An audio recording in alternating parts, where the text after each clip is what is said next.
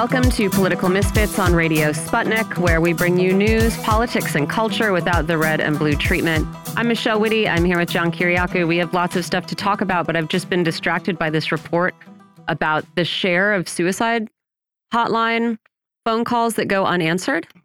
What? Uh, yeah. Share of suicide hotline uh, calls left unanswered in their own state. So, like, if it rings too long in your state, it'll it'll get redirected elsewhere. Like to uh, another state? Yeah, to another state. Which, you know, I guess it's good that there's still somebody to answer, but it makes yeah. it much harder for them to direct you to services. Wow. In Alabama, it's 45%. In DC, it's 35%. That's Somehow in Alabama, high. it's 45%. In Mississippi, it's 2%. What? Which, yeah, it just like staff it, staff it, Alabama. Yeah. I know. It's so cruel. It's pretty cruel to set up these hotlines. My mom then, was a suicide hotline um, volunteer. There's a lot of training that goes along with it, but um, nobody gets paid. It's all volunteer. And even the training is normally done on a volunteer basis by outside experts. There shouldn't be Look, unanswered this, calls. As the service hits the one, this, so this is 988, right? This um this new suicide hotline. Uh, they're saying as we hit the service's one year mark, this is an Axios report. Few states have established long term funding commitments to sustain it, and plans to use some of the billion dollars in federal funding for a nationwide public service campaign haven't materialized because they're worried about marketing it. Uh, marketing it too heavily could overwhelm the hotline pass capacity. Well, what if you just staff it? Yeah, just staff it. I mean, I don't Yes. know. Again, are we going to, is the counter to that like nobody wants to work anymore? Because I just don't think that's true. No, I agree. I mean, I, I, I mean, people's lives are on the line with something like that. That's not one of those things you want to just, you know, I mean, it's not Pushed to the back necessarily a job that everybody either wants to do or can do. But uh, again, again, you, ha you have people who. People are living in such difficult conditions, right? Economically, Wow. surely, Yeah, sure. surely, the, here is yet another Sure. opportunity uh, to put some of those federal dollars to work, like uh, you know, that's right. going into people's pockets and then streaming out into the rest of their communities. Yeah. Anyway, that wasn't on the agenda for today. What we are going to be talking about pretty soon include um, threats against judges and perhaps jurors involved in Trump cases, and just how, i mean, on one hand, these threats i- is just sort of the internet being the internet and on It the other i don't want to i don't want to brush off the possibility Sure. of violence because we certainly have seen people decide to execute this kind of violence very recently Yes. But with that said, Mhm. I have to say that I got a chuckle out of the the actual reporting about this latest threat against the Trump Mhm, judge mhm. um, by the woman's father. yeah He said she drinks too much beer and watches too much Fox News, that she sits on the couch all day long, she has mental problems, and she drinks until she gets drunk, and then she gets on the phone and starts calling threats. Yeah, I mean, I think it's a Not it's a bad sign when you have lots of people in a society wanting to do this. Yeah. How serious is this woman as an actual physical threat? I mean, again, a couple years ago, I might have been tempted to to brush it off, but we did have that guy try to shoot up Comet Ping Pong. Yeah. We did have January 6th happen. Someone did lose her life in that. So yes. we'll talk about that. We'll talk about what to expect from the visit by the Iranian um, foreign minister. Is it to yeah, the Saudi Iranian Arabia foreign today? minister. Yeah, he's in Jeddah, Saudi Arabia today. Jeddah, of course, is not the capital, but it's what the Saudis use as their summer capital because there's a breeze Mhm. off the Red Sea. Um, so it's I like 120 degrees instead of 125. Mm, and nice. um, yeah, this is a very big deal. It follows up on the Saudi foreign minister's trip to Tehran a couple of months ago. We're going to also talk about something we'll get into more detail on tomorrow, but that is the possibility of this uh, trilateral alliance between the United States, Korea, and Japan, South Korea, that is. Um, what it is Joe Biden is trying to build there, what kind of historical forces Yeah. might stand in the way, and uh, and what it would mean if the White House gets what it wants. We're going to talk about uh, confirmation that the U.S. was indeed pressuring Pakistan to oust Imran Khan, as he has claimed Yeah. from the start. The uh, documents are there, they're public, and the Pakistani government has confirmed their authenticity. We're also going to talk about NATO officials suggesting that Ukraine is going to have to give up territory in exchange for peace and new security arrangements, and then some furious backpedaling. We'll talk about members of Congress. And you know, I was just writing this up. We'll talk about this later, but I'm gonna I'm gonna assume that this is Democratic members of Congress uh, wrapping funding for Ukraine into a bill that is supposed to replenish FEMA's disaster relief fund, which is only exacerbating the comparisons that were already happening between, you know, what residents in Maui Yes. are getting and can expect in the future and what has been, you know, what uh, Ukraine has been hosed down with Yes. over the course of this conflict. We're going to talk about what's going to happen when we start to repay student loans. And we'll talk about rebuilding in, in Hawaii. And also, what I think is a, a dangerous habit of using climate change as a scapegoat for bad planning and bad policy.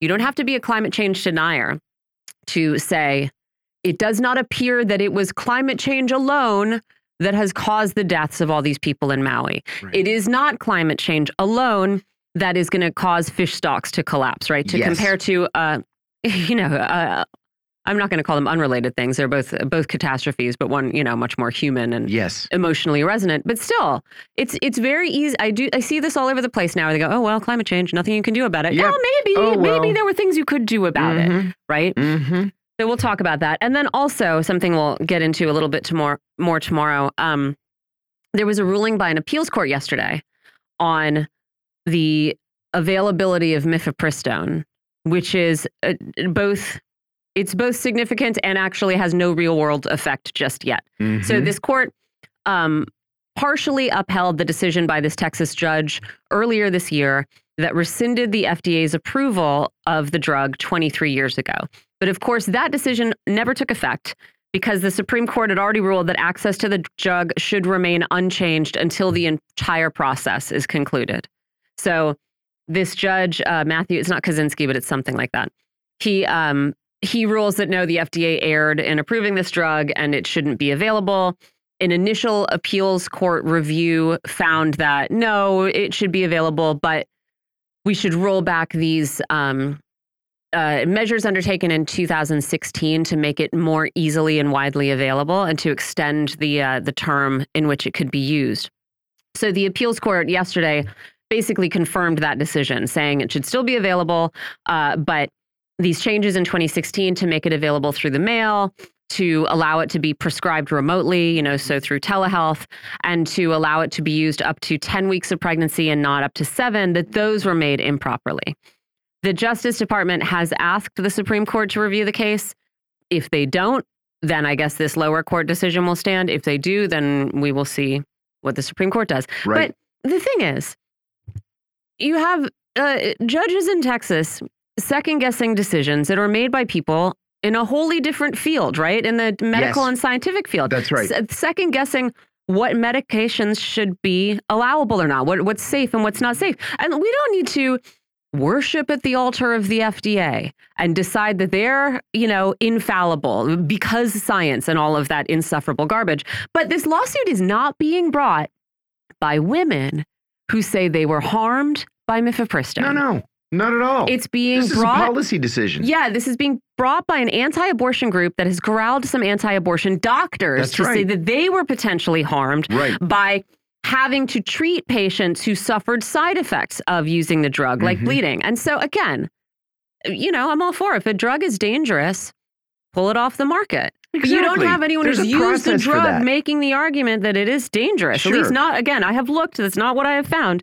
Um, if you can't muster up any women who have used mifepristone who, who want to be on your side, then uh, you know again, I have some questions about your uh, assertion that what you're in for is women's health, right? Mhm. Which of course is not. this is not the first time that this is dawning on me. I just feel like it's important to to restate. Of course. They're also trying to say, I mean, they're trying to argue the FDA shouldn't have approved a generic version of the drug in 2019. Ridiculous. Come on, this is not about, this is just about availability, right? This has nothing to do with safety. no. And Literally so- nothing to do with safety. Yeah. And, uh, you know, the anti abortion coalition seems seems pleased. hmm Probably, maybe because this is one of those cases where you get a little, you That's get a little hook, and then you can build on that in the next case. I'm, And and then freedom of choice dies of a thousand cuts. Yeah. So we'll talk a, a little bit more about this uh, tomorrow, and also these efforts to bankrupt Planned Parenthood in in Texas. Again, you know, fighting a fighting a different fight than the one they're actually fighting, which is really dishonest and you know is is using the court system to violate the will of the people Mm -hmm. essentially That's right. you know because they'll decide they'll decide that they want abortion to be available and then you find a million ways to make up medical reasons why it shouldn't be uh, there was another interesting story today in the hill showing us you know this, this sort of jumped out to me because it's relevant to the conversation we were having about east palestine yesterday but there's new research from the university of pittsburgh that suggests fracking could increase the risk of rare cancers and asthma and particularly near that. in children Imagine that. So when there's uh, oil and methane and gasoline mixed into your drinking water, Mhm. it actually has a fallout. They found that children are more likely to have rare cancers, and children and adults were more likely to have asthma flare ups near fracking wells. Children who lived within one mile of one or more wells had five to seven times the chance of developing lymphoma, which is this rare type of cancer that impacts your lymph nodes. Um, and it- compared to children who lived in an area without wells for five miles. Yes. So again, like we talked about the need for uh, for medical care to address the concerns raised by a chemical disaster like the one created by the Norfolk Southern train derailment Yes. in East Palestine. But you know what that doesn't address is the sort of slow rolling chemical disasters all over this country as we t- you know in uh, West Virginia with the resurgence of black lung and Exactly. everywhere that fracking is going on in uh, you know every way that uh, these forever chemicals are affecting us right in, in ways that we are only be, being now able to get a handle on. And I don't want to act like the sky is falling every time some new compound is found to at enormous enormous doses increase uh, cancer right? Everything seems to cause cancer. But i do think you know uh, we are kind of being we are kind of being experimented on in We the long even cell phones. We What? don't really know. No. certainly like you know let uh leaving aside you know radiation or whatever certainly the sort of screen addiction is a huge social experiment that none of us necessarily consented to just see what happens i Yeah, guess oh right. it turns out maybe it's part of why everyone's going crazy Yep. That's right. so yeah congratulations to everyone who has kids out there pretty sad uh, but fear uh, fear not because tiktok has been banned on uh, government devices in new york city Yeah.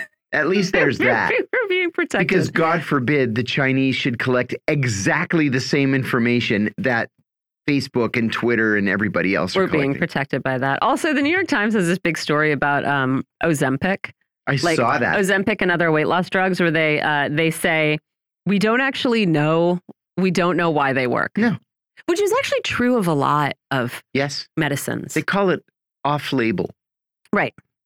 Right. It, there's a side effect. Yeah, there's a side effect that's good. at least as popular as the uh, the actual reason that the drug was developed in the first place. The big fight over Ozempic has been one that we haven't really we haven't really talked about and that I do think is sort of interesting and I feel kind of conflicted about. you know, everybody wanting to get on Ozempic to lose weight instead of doing it the old-fashioned way, like going on a diet and doing some exercise or whatever. And I guess I realize not everybody can do that and or this really you know, am I going to be a curmudgeon and act like there's some kind of moral difference between whether you take a drug to lose a weight Hollywood thing. or not? Where stars were taking Ozempic, not for diabetes, of course, which was the, the right, purpose which of is it the in the purpose first of place. it.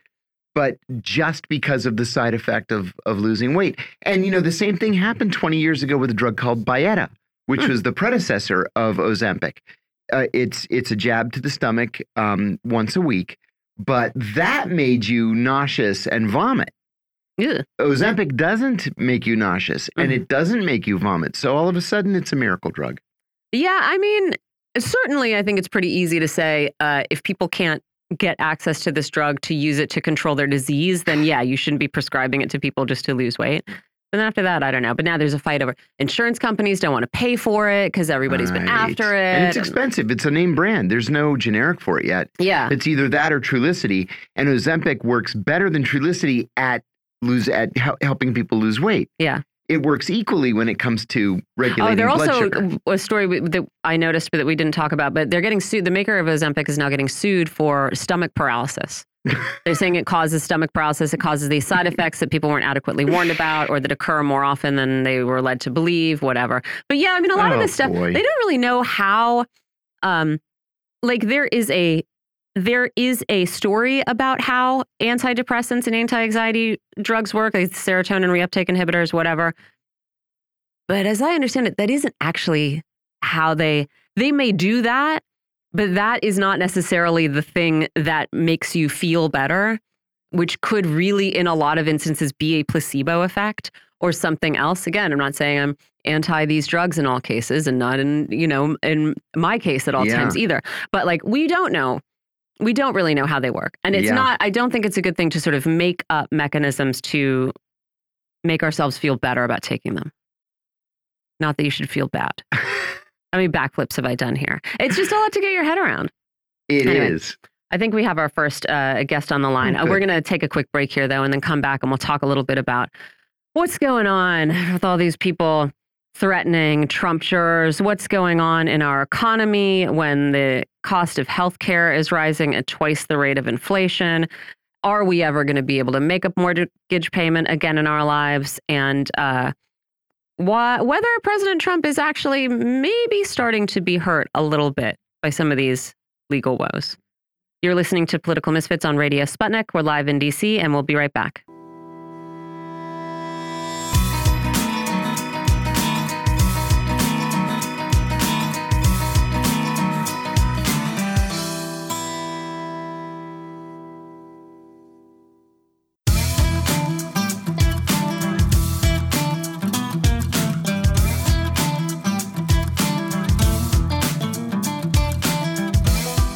Welcome back to Political Misfits on Radio Sputnik. There you go. like there, where we bring you news, politics, and culture without the red and blue treatment. I'm Michelle Witte, and I'm here with John Kiriakou. We're going to talk about student loans. We're going to talk about threats to grand jurors. We're going to talk about the cost of childcare, and uh, we're going to talk about this poll that shows that uh, Americans believed President Trump violated the law in trying to overturn the 2020 election. Uh, Whether they care is Yes. a different issue. Exactly. Exactly. We are joined by Jon Jeter. He's an author and two time Pulitzer Prize finalist. He's a former Washington Post bureau chief. Thanks for joining us, John. Thank you for having me.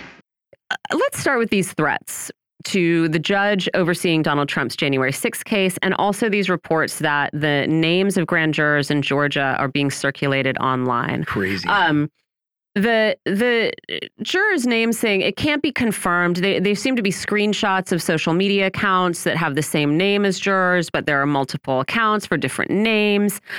And these names are public by law anyway. So to some degree, this to me seems like I don't know the picture of an alligator in the street that you see every time there's a, a big flood along a coast somewhere. Um, but there are also, you know, nutcases out there like this woman who uh, phoned up the chambers of the DC judge in Trump's case here and left a racist message saying she was going to kill anyone who went after Trump and also the gays, I guess, just for good measure. oh, them too. Yeah, at least that's what I'm told. I haven't heard the actual message. And as John described And this woman, she's a she she's a sort of beer guzzling couch potato and not an actual threat. Um, and so I don't know. I don't know. Uh, uh, is this just the internet being the internet? Uh, on the other hand, you know, we did have we did have someone die at the Capitol on January 6th. We did have some violence there. We did have that guy who shot up Comet Ping Pong. So how do you think we should respond to this stuff? If I were involved with this case, I would certainly be on standby, you Mhm. know, uh, uh, have my uh, guard up against any kind of violence. I think that's very possible. I don't want to be alarmist or, uh, you know, uh, be chicken little in this, but I do think that the, the threat of violence is very real um, here in the United States, certainly at this at this time. Mm-hmm. um, you know, this is just um, this is a really bad look. I, I, I don't have uh, any truck with Donald Trump or Joe Biden, the Republicans or the Democrats, um, but. but um, the idea that these charges are politically motivated is gaining some currency in the American public, and uh, that's just really dangerous. Uh, we could debate whether or not that's true. I certainly think it is, but that's not really the point. The point is that it's becoming kind of a social fact, and that's not just racial lines. I saw on the BBC, I think it was this morning, uh, a, a, black man, I think he was in Atlanta. Uh, they were interviewing people, and um, he, you know, he was raising the alarm about, well, do you indict someone just because you don't like them?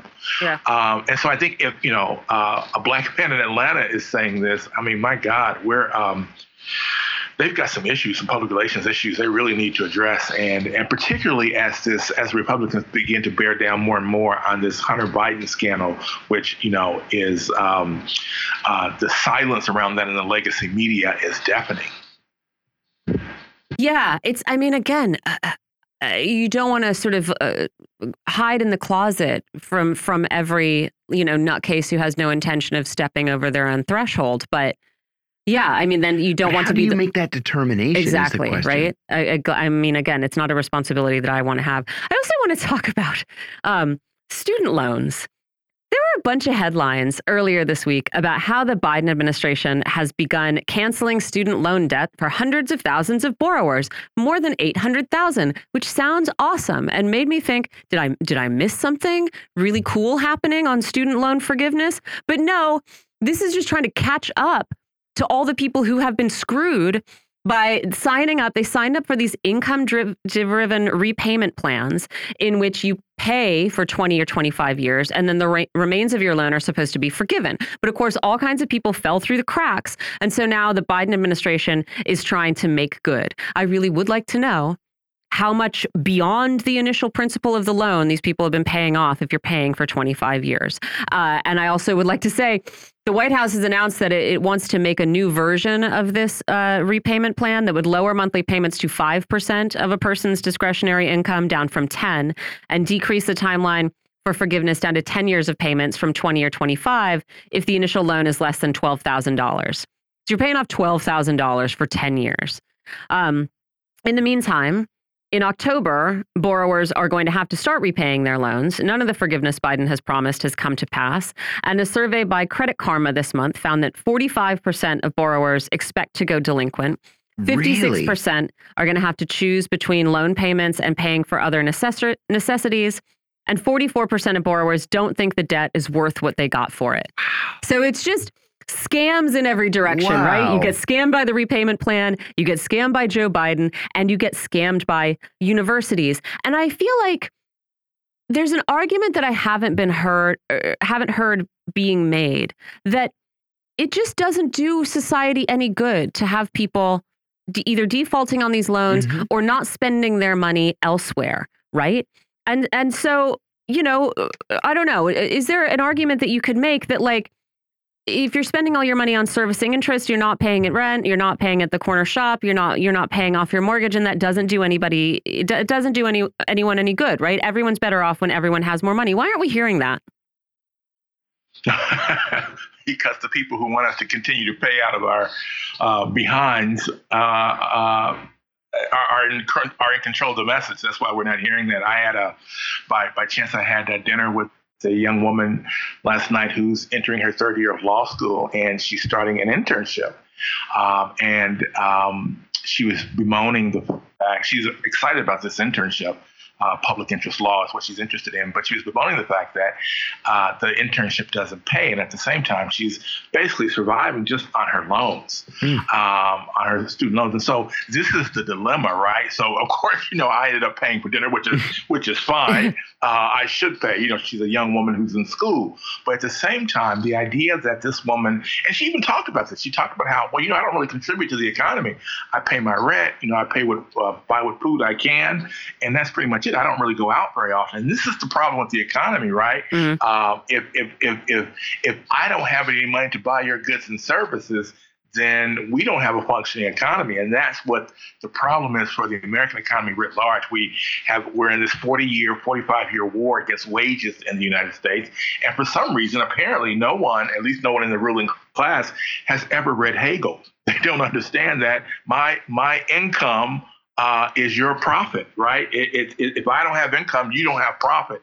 And you know, and the last thing I'll say about this, and I think I probably said this several times before on this show, um, you know, think about when student loans really exploded. It was it was directly, immediately after the subprime housing uh, crisis, uh, the subprime mortgage market collapsed 2008. And so these people, uh, what they're looking, they're, they're, they're, they're, trying one scam after another to recoup uh, the profits that they've lost because people don't really have money to pay. And it's very short sighted because we don't have a functioning economy in which I make enough money to buy your goods and services even even you don't have to be a communist as i am not you know uh, in a traditional sense mm. right you don't have to be a communist to understand that this that that we can't calculate, we can't account for profit in every enterprise, in every sort of endeavor. Uh, school loans is one of those is one of those efforts I think that we need to sort of understand. There's a public good that's served here, and and profit should not be calculated uh, within that within that uh, basket of goods. You know, since you brought up the war on wages, I want to ask I, I want to ask about AOC and student loans in a minute. But there was this Wall Street Journal story about childcare in the United States and how expensive that has gotten that references wages. Um, so the, the Wall Street Journal notes that childcare is the cost of childcare is rising um, twice the rate of inflation. It rose 6% in July. And it highlights in this story this mom who's paying $2,500 a month for childcare this summer more, way more than my rent, uh, more than her mortgage, and 10% more than she paid last summer. And while that cost is going to drop when her kids go back to school, they're still going to need before and after school care. It's not like this is only a summer expense. And of course, when you get to the Wall Street Journal's little subhead about what the hell's going on, the first thing they mention is wages, which have apparently risen by about 4% and are now up to just under $20 an hour on average for child care workers. And surely, John, a wage that in many places will barely allow you to pay rent and buy groceries cannot be what is making childcare unaffordable for people. So, you know, they're, they're directing us toward wages. What, what else is going on that these costs are so high that people can't afford them? Yeah, that's that's a ridiculous assertion that wages are what's driving this. Wages have risen four percent, and what's inflation risen in the last year, like mm-hmm. 8 mm-hmm. percent or something like that. So we're still not. We the American people really haven't uh, had a wage increase in more than 45 years in a real sense, right? When measured against inflation. So that's just a ridiculous statement, uh, and one that's just pure sophistry. Um, but but what's what's driving this is the need for for profit. Again, it's price gouging, and it's price gouging. This money's not going to the workers, right? This money's not going in any real sense, right? If you've got a four percent increase in wages, but a ten percent increase in uh, uh, the cost of childcare, clearly that money not going to the workers. This is going to the investors, people who own these um, enterprises, both in childcare student lenders. That's where the money's going. And again, it's just it's not a functioning economy. Um, we just have where people are spending too much on just the basic necessities, and they don't have enough money to actually sustain a functioning economy. So this is, you know, you know, I don't have any children who need childcare, uh, who are young enough to need childcare, but this is an issue that affects me and, and everyone really deeply. And most Americans just don't see that because we have a media like the Wall Street Journal, which actually, uh, in its news pages at least, typically does a fairly good job of reporting um, but in this case, it's just a complete fail because they don't identify identify the real reason for this huge increase in childcare. Why do we have childcare that costs more than rent? That's absurd, yeah. right? I mean, that benefits that benefits. I was going to say no one, but no, it benefits someone, and that's the the wealthiest one percent. Uh, but everyone else has to pay for that. I mean, you just wonder how tightly this spring can be wound. Because the other thing that tripped me up here is before and after school care. Like, so people are, this woman happens to be, she she runs a communications department for a nonprofit, which are, are known for actually being terrible places to work if you want right. to earn any money yeah. and have any free time. But that is a, a lot of time away from your kids, right?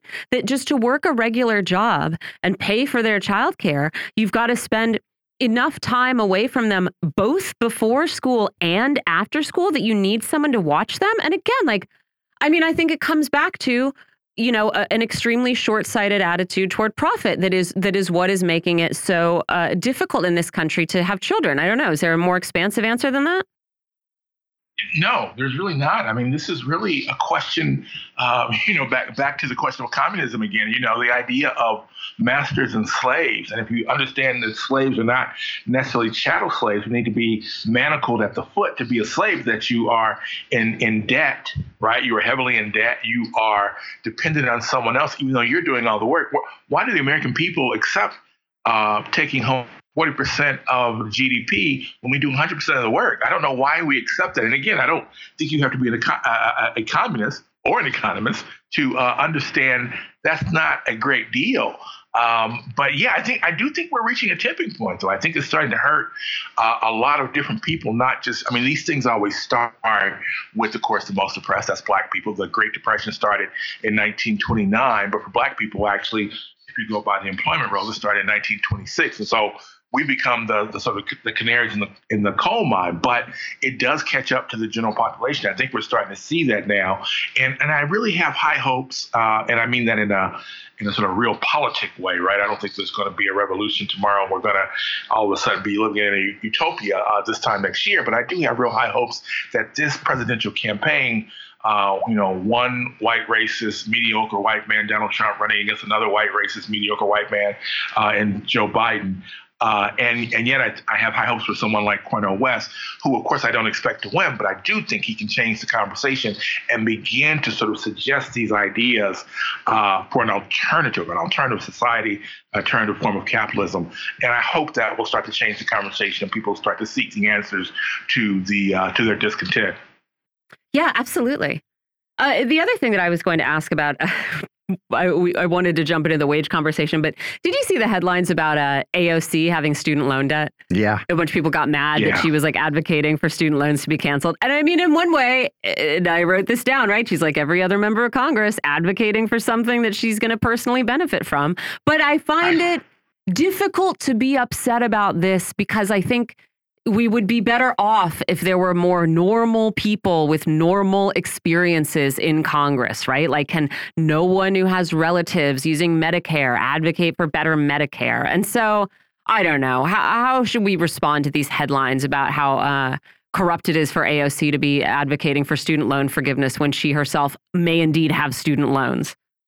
Well, it, reminds me of uh, you know Lyndon Johnson, who was uh, you know a much more progressive president than was JFK, uh, not because he was any less uh, racist, uh, but because he wanted to out liberal the Kennedys. And so he did the right thing for the wrong reasons in a lot of cases. This is sort of reminiscent of a- AOC, I think, doing the right thing for once, because she doesn't always do the right thing by oh, any stretch of the imagination.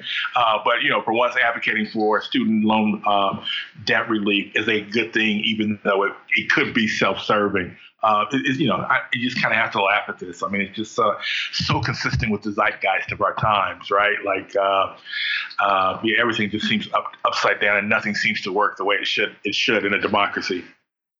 Let me also ask you. Forgive me. I'm going to ask you about some um, wonky economic indicators that I don't understand, and I don't know if I have to.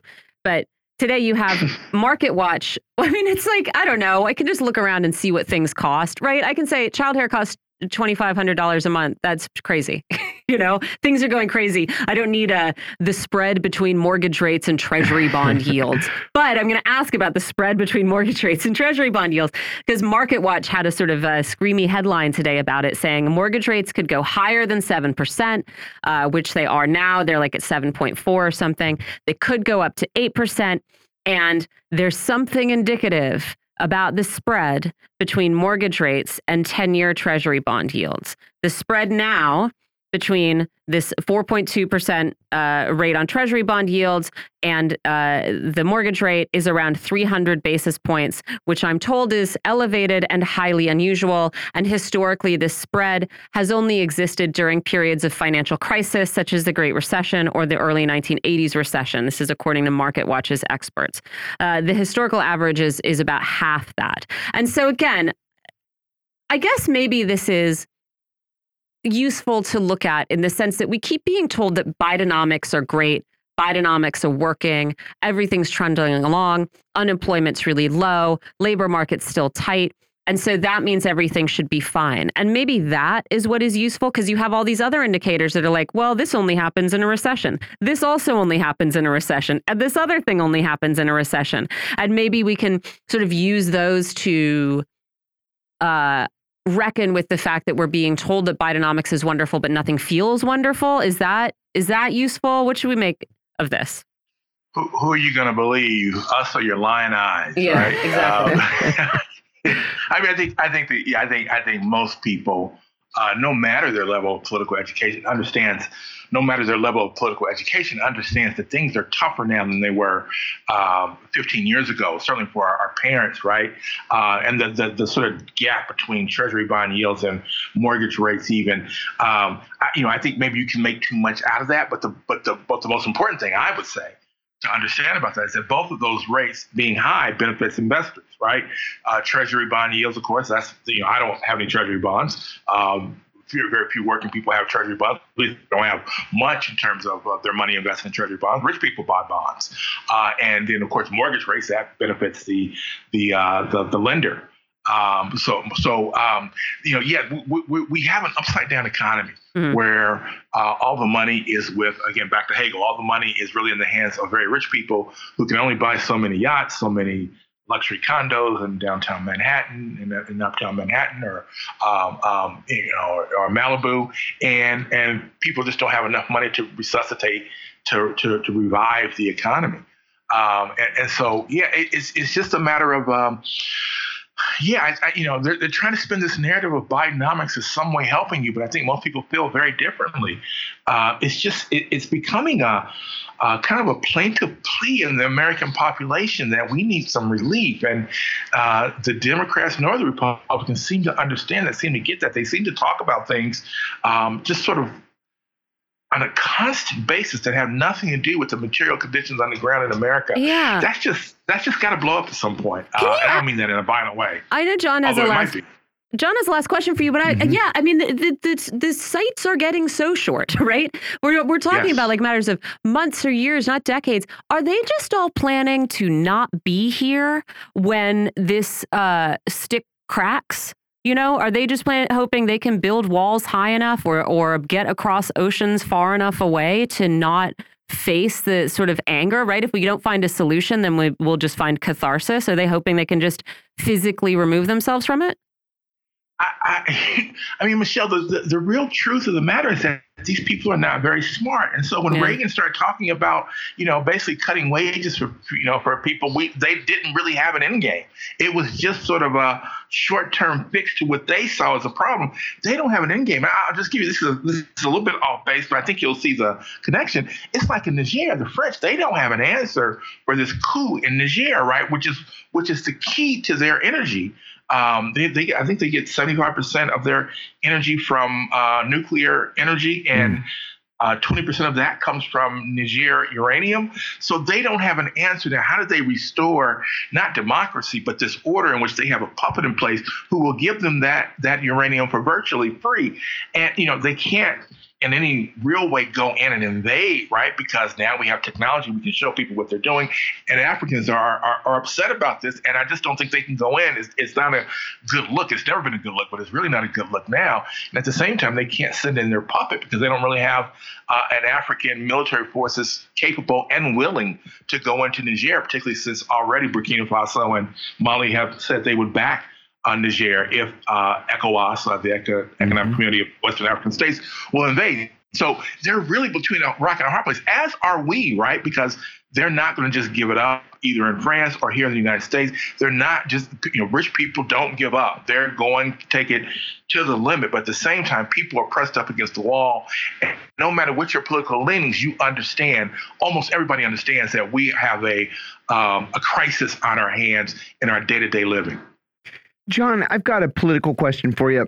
Um, there's a new comprehensive Fox News poll that was published today with a great deal of new information in it. First, the poll found that a majority of Americans believe that Donald Trump violated the law in trying to overturn the 2020 election. Second, the number of Americans who believe that Trump's prosecution is politically motivated has fallen a little bit from 55 to just 51%. So most, or a majority of Americans believe that whether or not he broke the law, the prosecution is political. And third, the most anti Trump Republican running for president, that's Chris Christie, is surging in New Hampshire right now and has overtaken Ron DeSantis for number two behind Trump. Donald Trump, though, is increasingly looking like one of those can't lose in the spring, can't win in the fall kind of candidates. Uh, is his 40 plus point lead too much for someone to snatch the nomination out from under him? Or are Republicans getting tired of all this controversy and looking for an alternative? I, you know, I I, I read that um, those poll numbers. I I don't know what to think of that. I don't know what to make of that. I it's just, very confusing. Yeah, I don't. I, well, the one thing I think I, I can say is that the, the that the majority of, uh, of people polled, the majority of respondents think that this is, these charges are politically motivated. That uh, does not bode well for the Democrats. I, you know, I, I, don't know. I don't. I don't really talk to Republicans. They don't talk to me. You know, uh, I don't really talk to that many Democrats, to be honest. But um, I have a hard time seeing Donald Trump losing this uh, presidential race against if if it's him and Joe Biden. I have a hard time seeing him losing. Uh, I also have a hard time seeing him going to jail. Um, yeah, I do you know, too. for any of these charges, I right. just can't really see it. I'm not a lawyer, but from what I know, it is. They all seem like tough cases to make. The one about uh, everyone talks about this tape where he's saying, you know, I just need 11,000 votes. I mean, you know, I, I, you know, if we want to lock down Trump, hey, have at it. But man, that just seems awfully weak. I mean, that could just be saying, can we find 11,000 votes? So, I, you know, I don't know what to make of it. I just, I still see uh, Donald Trump return to the White House, barring something unforeseen. Uh, I don't know how these cases are going to work out. I mean, I think we're on the verge of something very dangerous because people do see these charges as politically motivated people who aren't fans of Donald Trump. And that just seems like a very dangerous place to be. And yet the Democrats seem unwavering. They continue to pile on these charges. And, you know, and then again, as we said before, these these allegations against Hunter Biden go sort of unreported in the legacy media. And I Yeah. just think we're reaching a dangerous um, a precipice really where people uh, where where Congress doesn't have any credibility, the White House doesn't have any credibility, and of course the media doesn't have any credibility. If you can't believe in your institution, it means that uh, the only way that you can be heard is to take it to the streets. I'm not advocating for that, by the way. I just think that that historically is how things have worked out. Yeah, I think that's right. Okay, we're going to leave it there. Yeah. That was Jon Jeter. Yeah, one of our favorite guests, Yes, former indeed. Washington Post bureau chief, former foreign correspondent. Thanks so much for joining us, Jon. Thank you, Michelle. We've Thank got our you, next John. guest on Our the line. We're going to talk yeah, about is on the line. Pakistan. The Pakistani government has confirmed that the U.S. State Department urged it on March 7th, 2022, to push out Prime Minister Imran Khan because of his neutrality in the Russia-Ukraine conflict. Uh, the meeting, which was between the Pakistani ambassador to the United States and two State Department officials here in Washington, has been the subject of intense scrutiny, controversy, and speculation in Pakistan over the past year and a half. Um, at, supporters of Khan and his his military and civilian opponents have been jockeying for power, had been jockeying for power for quite some time. The political struggle escalated on August 5th and I mean a week and a half ago, August 5th, when Khan was sentenced to three years in prison on corruption charges and taken into custody for the second time since his ouster. Khan's defenders dismissed the charges as baseless, of course. The sentence also blocks Khan, Pakistan's most popular politician, from contesting elections that are expected to take place later this year in Pakistan. I think that's what the point was of arresting him in the first place one month after the meeting with U.S. officials that are document or that is documented in the leaked Pakistani government um, uh, cable, a no confidence vote was held in Parliament, leading to Khan's removal from power. The vote is believed to have been organized with the backing of the military. Since that time, Khan and his supporters have been engaged in a struggle with the military and with its civilian allies, whom Khan claims engineered his removal from power at the specific request of the United States. We're going to talk about this with Hamza Azhar Salam. He's the founder and editor of the Pakistan Daily. Hamza, it's always great having you. Thanks again for joining us.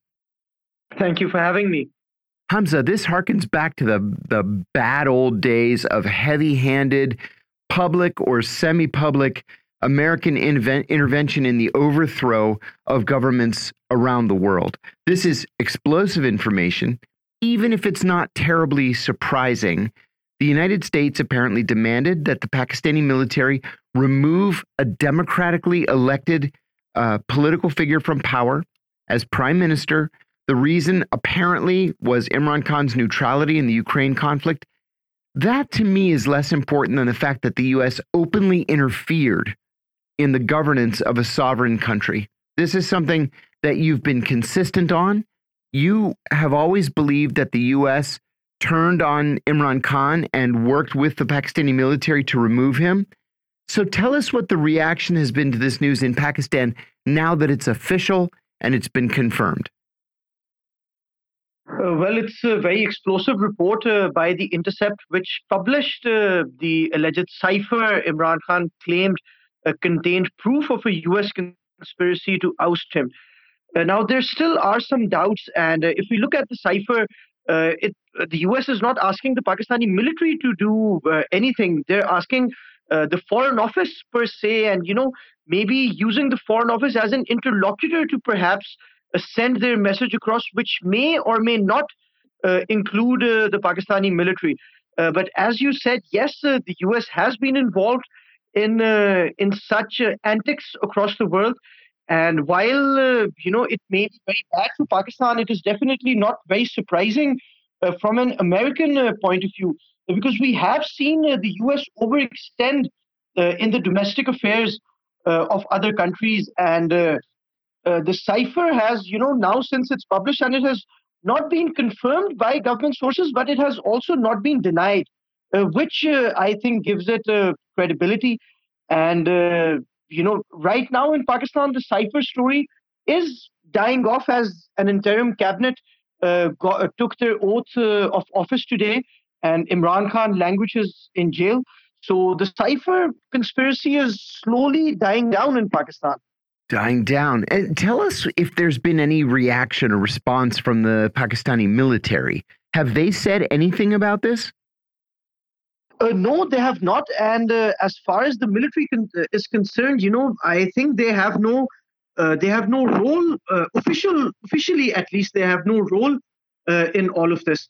the ISPR, the military's public relations wing, does not comment on Pakistan's foreign relations. But this cipher, when it was initially raised by then Prime Minister Imran Khan, it was discussed in a National Security Committee meeting.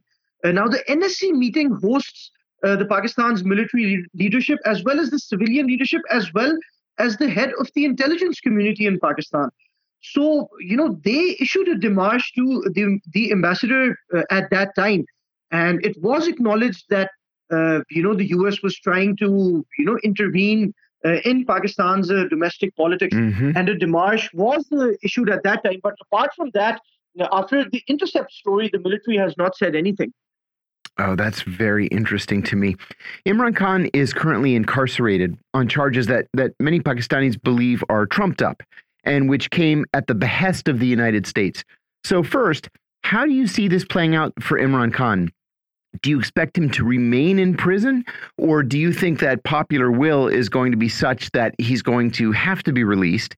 And second, what does this do to public opinion in Pakistan toward the United States? Well, I'll answer your second question first. That uh, you know, usually uh, most Pakistanis are anti-American. Yes, and it has a lot to do with the war on terror, and uh, you know the cost Pakistan paid. Uh, we've lost uh, almost hundred thousand lives, and you know our our land of peace is now uh, an embryo of terror, and you know we have extremist attacks, and we've also seen drone strikes by the U.S. disrupt the peace in Pakistan. So generally uh, Pakistanis are anti-American. So uh, that that is uh, your second question. But yes, Imran Khan is uh, currently incarcerated, but we have to understand that there's not just one corruption case uh, against Imran Khan. There's multiple cases against Imran Khan, and there's a plethora of evidence against him, which has been proven in the court of law. Now, as far as the court of public opinion is concerned, perhaps, yes, Imran Khan has won the battle there. Uh, he is possibly the most popular politician in Pakistan right now, uh, even though he languishes in jail. But uh, this is only one part of the battle. Pakistan's judiciary is not dependent on the popularity of any uh, political leader. So whether Imran Khan is popular or not has nothing to do with how he is seen uh, in in the eyes of the law. And uh, the, the judiciary has to make a decision according to the evidence, not according to the person uh, the evidence is being presented against. And uh, there's a lot of clarity in Pakistani investigators as well as Pakistani media uh, that they, Imran Khan's government was mired by corruption. Mm. His own family, his wife, there's audio recordings, there's leaks. Uh, everything has now come out after he's been uh, removed from power. So I think it would be an unfair comment to allege that the US has anything to do with his incarceration or uh, the corruption cases against him, because this is all quite domestic. Ah, so tell us how this work how this works within the Pakistani uh, uh, legal and political systems. Let's say there is this evidence that Imran Khan, even if he wasn't personally corrupt himself, uh, oversaw a, a, government in which corruption was taking place. Uh, and he's been arrested, he's been incarcerated, there's been evidence presented against him in a in a court of law. Is he then is he then uh, sentenced and kept in prison? Is he exiled to Dubai or London? What happens next in a case like this? Well, as far as the law is concerned, uh, Imran Khan, in the cases he's currently facing, and in one in which he has been convicted, he does have uh, criminal liability for which he is uh, now serving a sentence of three years. Uh, but you know, Pakistan is it's a third world politically volatile country and uh, the law sometimes uh, may be uh, subservient to other forces.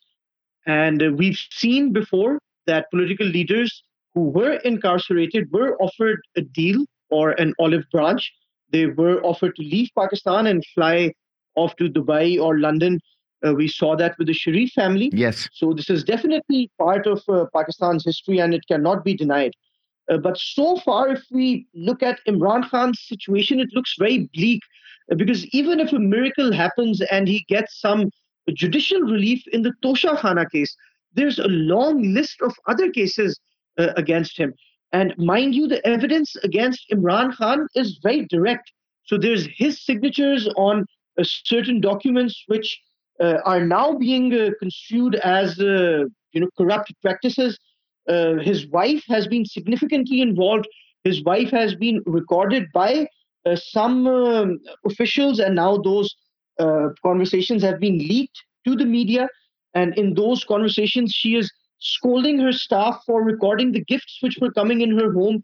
Uh, she's oh. she's spoken to Imran Khan's advisors about illegally selling certain watches. Mr. Imran Khan was gifted by other countries. So it's a very dirty and a very messy game uh, Imran Khan finds himself uh, in, and uh, the situation currently does not look very very good for him. Wow. Um, the the Pakistani media seem to believe that the purpose of this this American demand uh, that that Khan be deposed was really meant to bar him from running for public office again. Do you think that that's true? That that was the American goal, or do you think this is a more bold exercise of of American power? Mm, it's an interesting question. You know, uh, as a country, I think uh, the US would uh, absolutely love to have this kind of power over Pakistan uh, so that they can choose which politician can run for office and uh, which politician can't. Uh, but in my personal opinion, I don't think that the US has that kind of influence in Pakistan anymore. And especially after the fall of Kabul and Pakistan's growing relations with China and with Russia and with CPEC. Uh, so uh, you know the great game in this region has has shifted. So you know, yes, it, it it's possible that the U.S. may want that, uh, but you know, countries don't always get what they want. Mm-hmm. Uh, but as far as the cipher is concerned, and I've read it dozens of times, and uh, you know, it's it's very damning for the U.S. And as a Pakistani, not as a Pakistani journalist, but as a Pakistani citizen, I felt very uncomfortable with the fact that another country felt it was appropriate to tell our ambassador uh, that you know we can't move forward if a certain prime minister is in power. Uh, who who is the U.S. or uh, uh mm-hmm. a U.S. Secretary of State or an Assistant Secretary of State uh, to tell Pakistan who or who our leader uh, should not be? Right. So you know there's there's a lot of suspicion in Pakistani quarters and in the media as well. I think that's right. I've seen several opinion pieces in the Arab and in the Indian press today, of all places, indicating that the American action will do nothing but cement Imran Khan's position as an anti establishment hero in the eyes of most Pakistanis, even those Pakistanis who otherwise may not have supported him or may not have voted for him. Do you think that's true? Do you think that this makes him more popular? And if so, regardless of what the current law might be, do you see a second political act for him? Well, it's very interesting. You know, I'd like to quote uh, former President uh, Asif Ali Zardari, and he said, uh, "Politicians never die; they only smell of death." so this is a quote that I think uh, aptly describes uh, Pakistani politics. So you know, never say never. Imran Khan uh, is the most popular uh, politician of Pakistan. He was the most popular politician of Pakistan when he was pro-establishment, when he uh, came into power on the back of the military. And even today, he's the most uh, uh, popular politician in Pakistan when he is actively fighting against the military. So, you know, there is definitely a possibility that circumstances change and things which we don't expect happen and some unknowns unknowns take place and Imran Khan suddenly finds himself back in the limelight. but if I were a betting man, uh, I would not bet on this outcome because uh, Imran Khan had a shot at power, and now most of his colleagues, most of his ministers, most of his friends, his financiers, uh, everybody has left him. They've betrayed him, or you know, they have their own reasons to uh, to disassociate themselves uh, from uh, Imran Khan. So I think it's highly unlikely. And yes, he may have some popularity, but I'd like to uh, give you an example of his second arrest, which just happened uh, earlier this month. Uh, on his first arrest, we saw uh, a lot of Pakistanis, thousands of Pakistanis flocking to the streets and, uh, you know, attacking military installations, burning them, vandalizing them. So there was a huge reaction. And that was on 9th May. But in August, on 5th of August, not even 1% of people came out. Now, yes, there is a, a crackdown on PTI protesters, but Pakistan is a country of 240 million people, and not even 2,400 people or even 240 people came out on the streets for Imran Khan on his second arrest. So I think while he is relatively or comparatively the most uh, popular uh, uh, politician in Pakistan, he definitely is not nearly as uh, popular as some of his international fans may like to think. Wow. Hamza uh, Hamza Azhar Salam uh, is the founder and editor of the Pakistan Daily. Thank you so much for your insights. It's always great having you on the show. Appreciate the time. We're going to take a break here in just a second. Thank you. Thank you. Thanks, Hamza. Come back and talk about, among other things, this uh, interesting story about what's happening in politics in Germany as no party is really offering a sort of comprehensive and understandable mm -hmm. way to grapple with migration. Yeah. And so you're having these weird fractures and weird alliances as people sort of scramble around to, I mean, avo avoiding what I think is sort of the obvious solution, although it, it, it's just a really big one, right? So we'll talk about that. We're going to talk more about uh, domestic politics. We'll talk about what's going on between Japan, Korea, and the United States. And of course, we're going to catch up on what is happening in Hawaii from Hawaii. Yeah. You're listening to Political Misfits on Radio Sputnik. We're live in DC, and we'll be right back.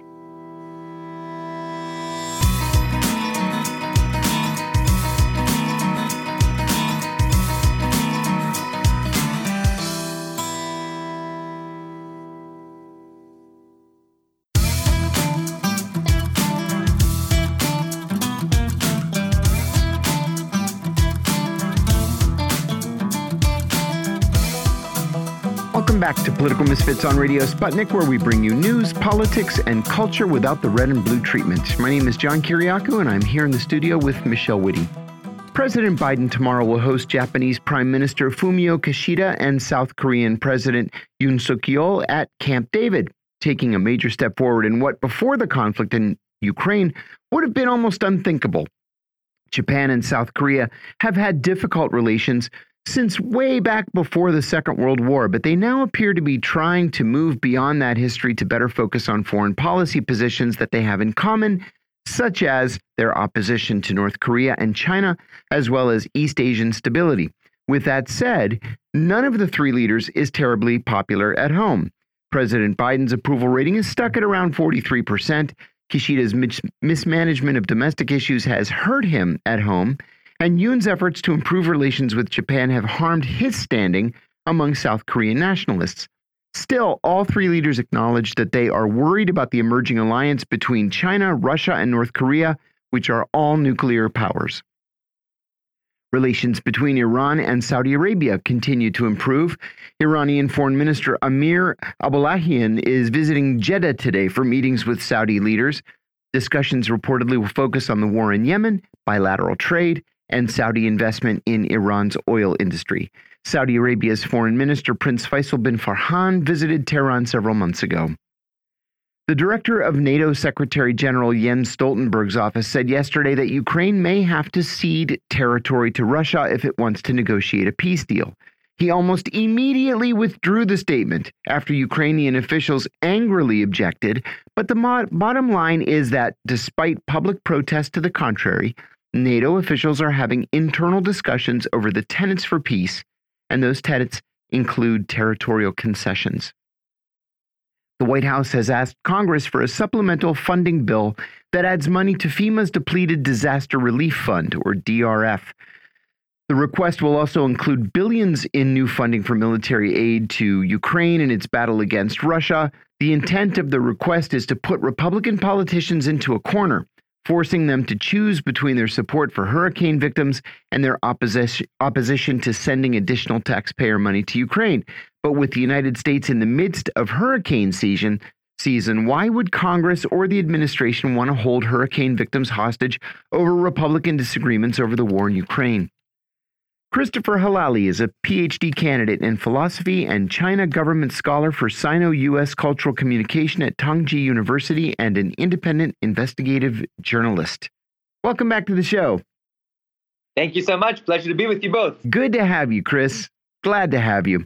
Tomorrow's meeting at Camp David between President Biden and the leaders of Japan and South Korea is really a foreign policy coup for this administration. Japan and South Korea have long had poor relations, stemming from Japan's invasion and occupation of the Korean Peninsula many years ago as well as its treatment of Korean citizens and especially Korean women. We've all heard of the comfort women and the, the terrible crimes that were committed against them.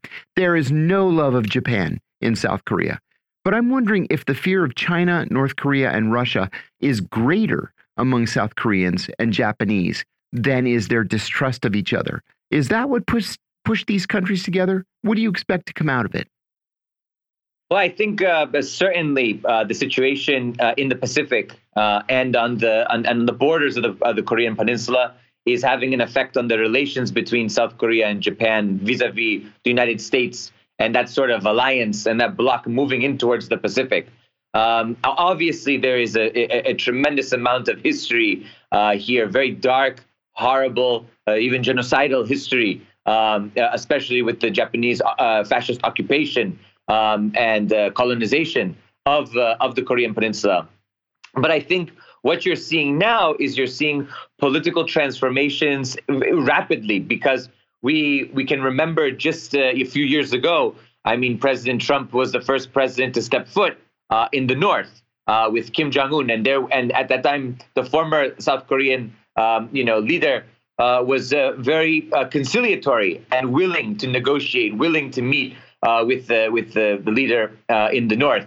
However, now the situation is uh, far different. You have a, a, U.S. administration that is very hostile to North Korea, obviously very, very hostile to mm-hmm. China mm-hmm. and Russia, and sees the three of them, these three nuclear powers, coming together to form a bloc. And now you're seeing an- another bloc, of course, emerging, uh, which is uh, the U.S., uh, South Korea, and Japan. So I think that certainly they're putting aside some of their differences. I don't think that's going to you know, change things and feelings on the ground in South Korea. But in terms of realpolitik and political expediency, given the geopolitical situation in the Pacific uh, and on the Korean Peninsula, there is this move towards uh, greater cooperation uh, between these three partners. Uh, obviously, because they feel that their security is is somehow threatened by uh, the three other nations um, that are that are in the region. Uh, I think uh, ultimately, what do I expect to come from it? I think, of course, it's going to further entrench a, a, course of action um, and policies that are extremely destabilizing. One thing that I learned when I was in South Korea just a few months ago was how much the South Koreans admired Trump for de-escalating yeah. uh, the situation yeah. on the Korean Peninsula. You know, and I think that we really have to recognize, regardless of how we feel about Trump, uh, for the Korean people, they recognize that we are not going to be sacrificial lambs between two blocks and for U.S. imperialism here, right? Yes. So they right right now they're feeling the opposite. They're feeling on the ground when I was there speaking with them. They're feeling that they're going to be no different than the Ukrainian people. They're going to be thrust into a war, and of course, this is going to be a very hot war. Um, you know, and I think that uh, it's it's it's deeply uh, you know disturbing and uh, almost uh, I don't know myopic to think that somehow the U.S. can can can achieve any victory on the Korean Peninsula, given not only one but three nuclear powers uh, within just a few hours, uh, you know, car drive. Yes. So I think it's I think I think ultimately what we have to recognize is that as these three countries come closer together and they continue this course of action, uh, we really could be seeing further destabilization in the Asia Pacific region. I think that's right. Uh, the Iranian foreign minister's visit to Jeddah, which is the summer capital of Saudi Arabia, is the second half of the early stage of the reestablishment of relations between the two countries. Talks are supposed to focus on the obvious Yemen, the war in Yemen, I should say, uh, trade bilaterally, and oil. The, the Iranian oil industry is 40 years behind the times because they haven't been able to get uh, spare parts.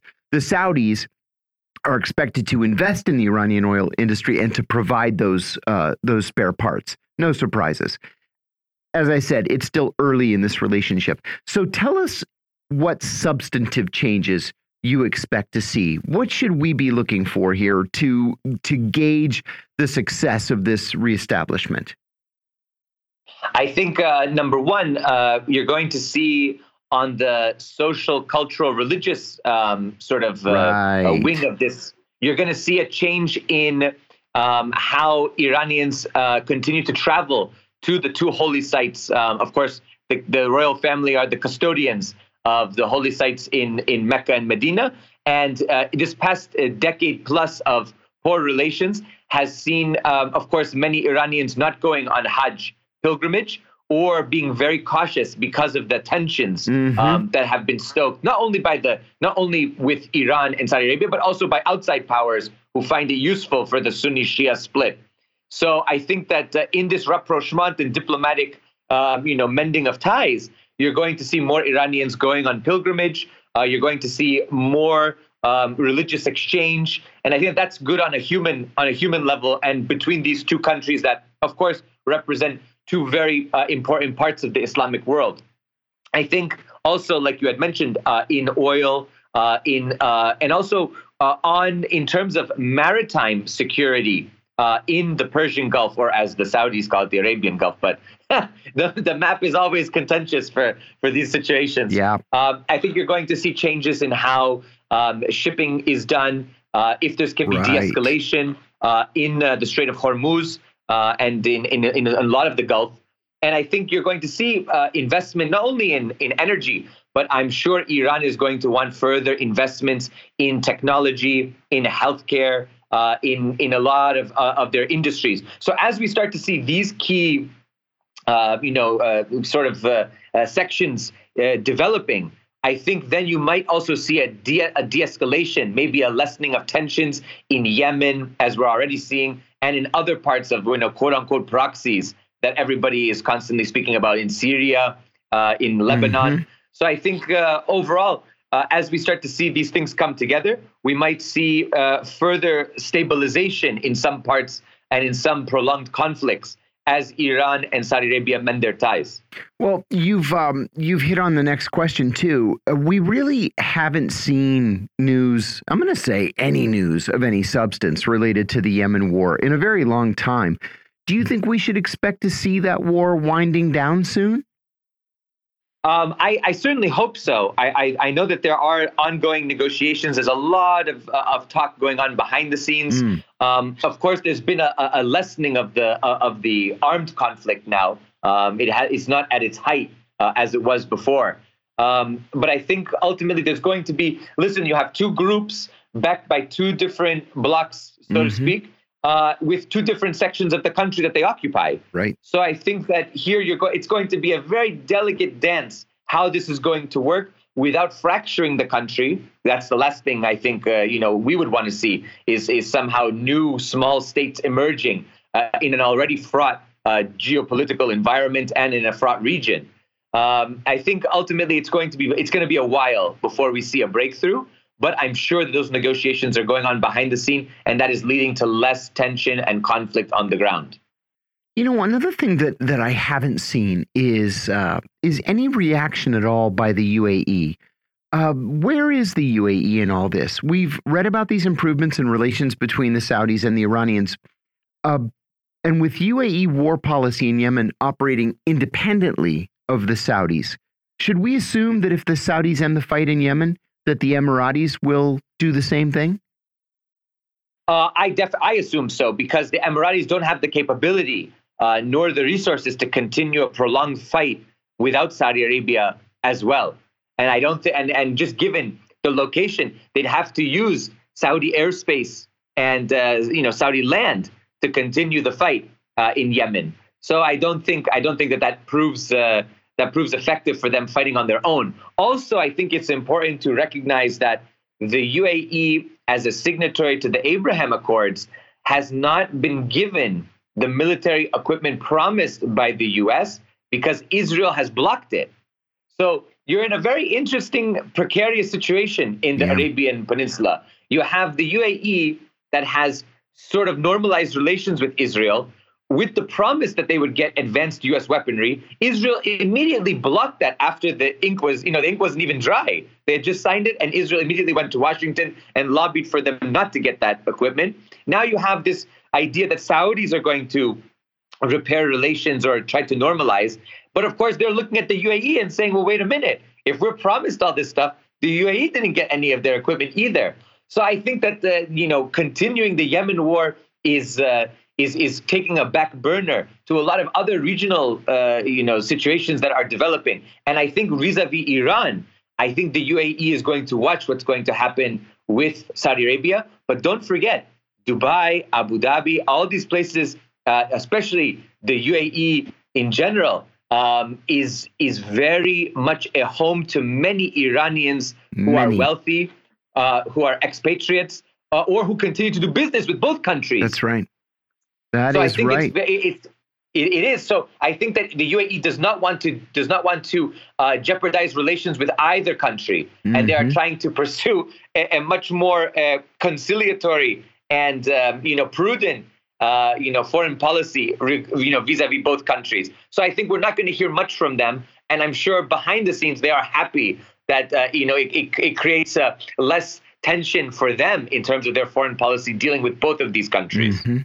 You know, a couple of weeks ago, when we saw that flurry of reporting in the New York Times, the Wall Street Journal, the Washington Post, et cetera, about uh, the possibility of the Saudis and the Israelis opening diplomatic relations, we, we saw a list of the Saudi demands. And the Saudi demands uh, were, were easy for the United States. They, they wanted uh, additional weapons. We said fine. They wanted major non NATO uh, ally status, already done.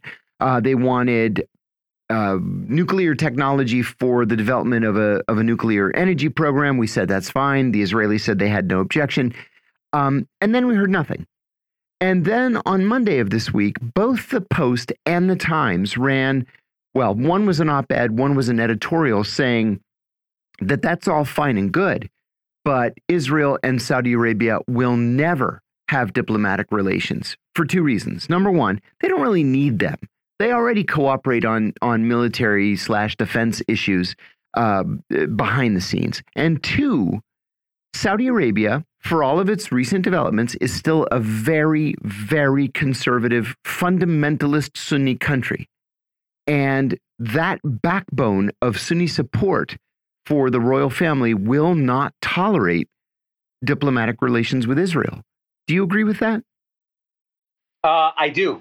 I think I think actually if the Saudi if the royal family were to normalize relations with Israel, I think that that would be the beginning of the end for the royal family amongst the Saudi population because there's one thing to be a royal family and to be educated in western universities. Yep. There's another thing to be you know the the people of Saudi Arabia, uh, many of whom subscribe to a much more conservative strain. It doesn't necessarily have to be Wahhabi or Salafi, mm-hmm. but it's certainly much more conservative than other parts of the Islamic world. Absolutely. And to all of a sudden have normalization with Israel as they are attacking and trying to occupy and take over the third holiest site in Al Quds in Jerusalem, uh, I, I don't really see that you know going over too well with those who have you know a much more conservative viewpoint and who find uh, Israel attacking, you know, fellow Muslims uh, and oppressing them. So I think I, I agree with that. Um, you know, and of course Israel cooperates with Saudi Arabia. I think Israel wants it because it's going to be a big propaganda coup for them. It's going to help them, you know, in terms of uh, their their attempt to normalize relations with much of the Arab world. But I think that as the time continues and as the right wing government of Netanyahu gets even more uh, repressive uh, towards the Palestinians. We're just seeing more attacks in Jenin and, uh, you know, a settlement expansion. I really think that the tide is turning in terms of even just the idea that Israel is a democracy, uh, free country, the only democracy in the Middle East. I think people are are, are starting to see through that, um, and I think many in the Middle East have seen through it. But now the world is seeing more and more through it, mm-hmm. and even progressive or even liberal Zionist organizations are coming out and criticizing Israel. So I don't think much, you know, even if normalization with Saudi Arabia were to happen, it doesn't change the fact that slowly over time, the Israeli government is getting more isolated internationally because of its actions vis-a-vis the Palestinians. And it certainly doesn't help the Palestinians in any way. I, I don't care if there's uh, if there is a, a Saudi embassy in Jerusalem or or an Emirati embassy or any other Arab embassy, it does nothing to help the Palestinians. You're right, hundred percent.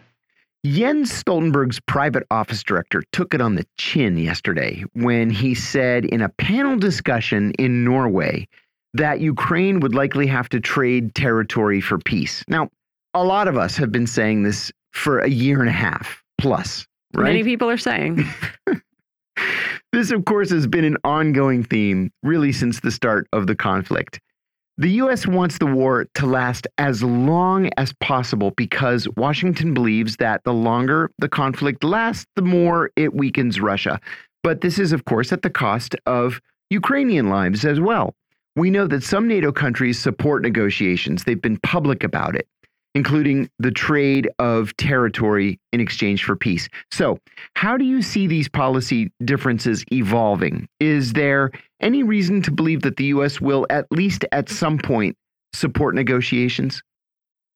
Uh, after just witnessing the largest military parade in Poland since the end of the Cold War, uh, I don't really, I don't really see any negotiations on the horizon. In fact, I see the opposite. Yeah. I see, you know, saber rattling, especially in Eastern Europe um, on the border, um, and now, of course, on the border with Belarus. So I think that um, I think that the statement by the private office director in a, in a, in basically uh, when I heard it, it was it sort of felt like a, a conference, sort of a open discussion, but it was yeah. interpreted as policy and that's what uh, you know really got. I thought I, I would have been nice if he said it was it's a theoretical you know proposition, uh, but of course did not say that, and then of course they they condemned it, and he you know said he would apologize for it.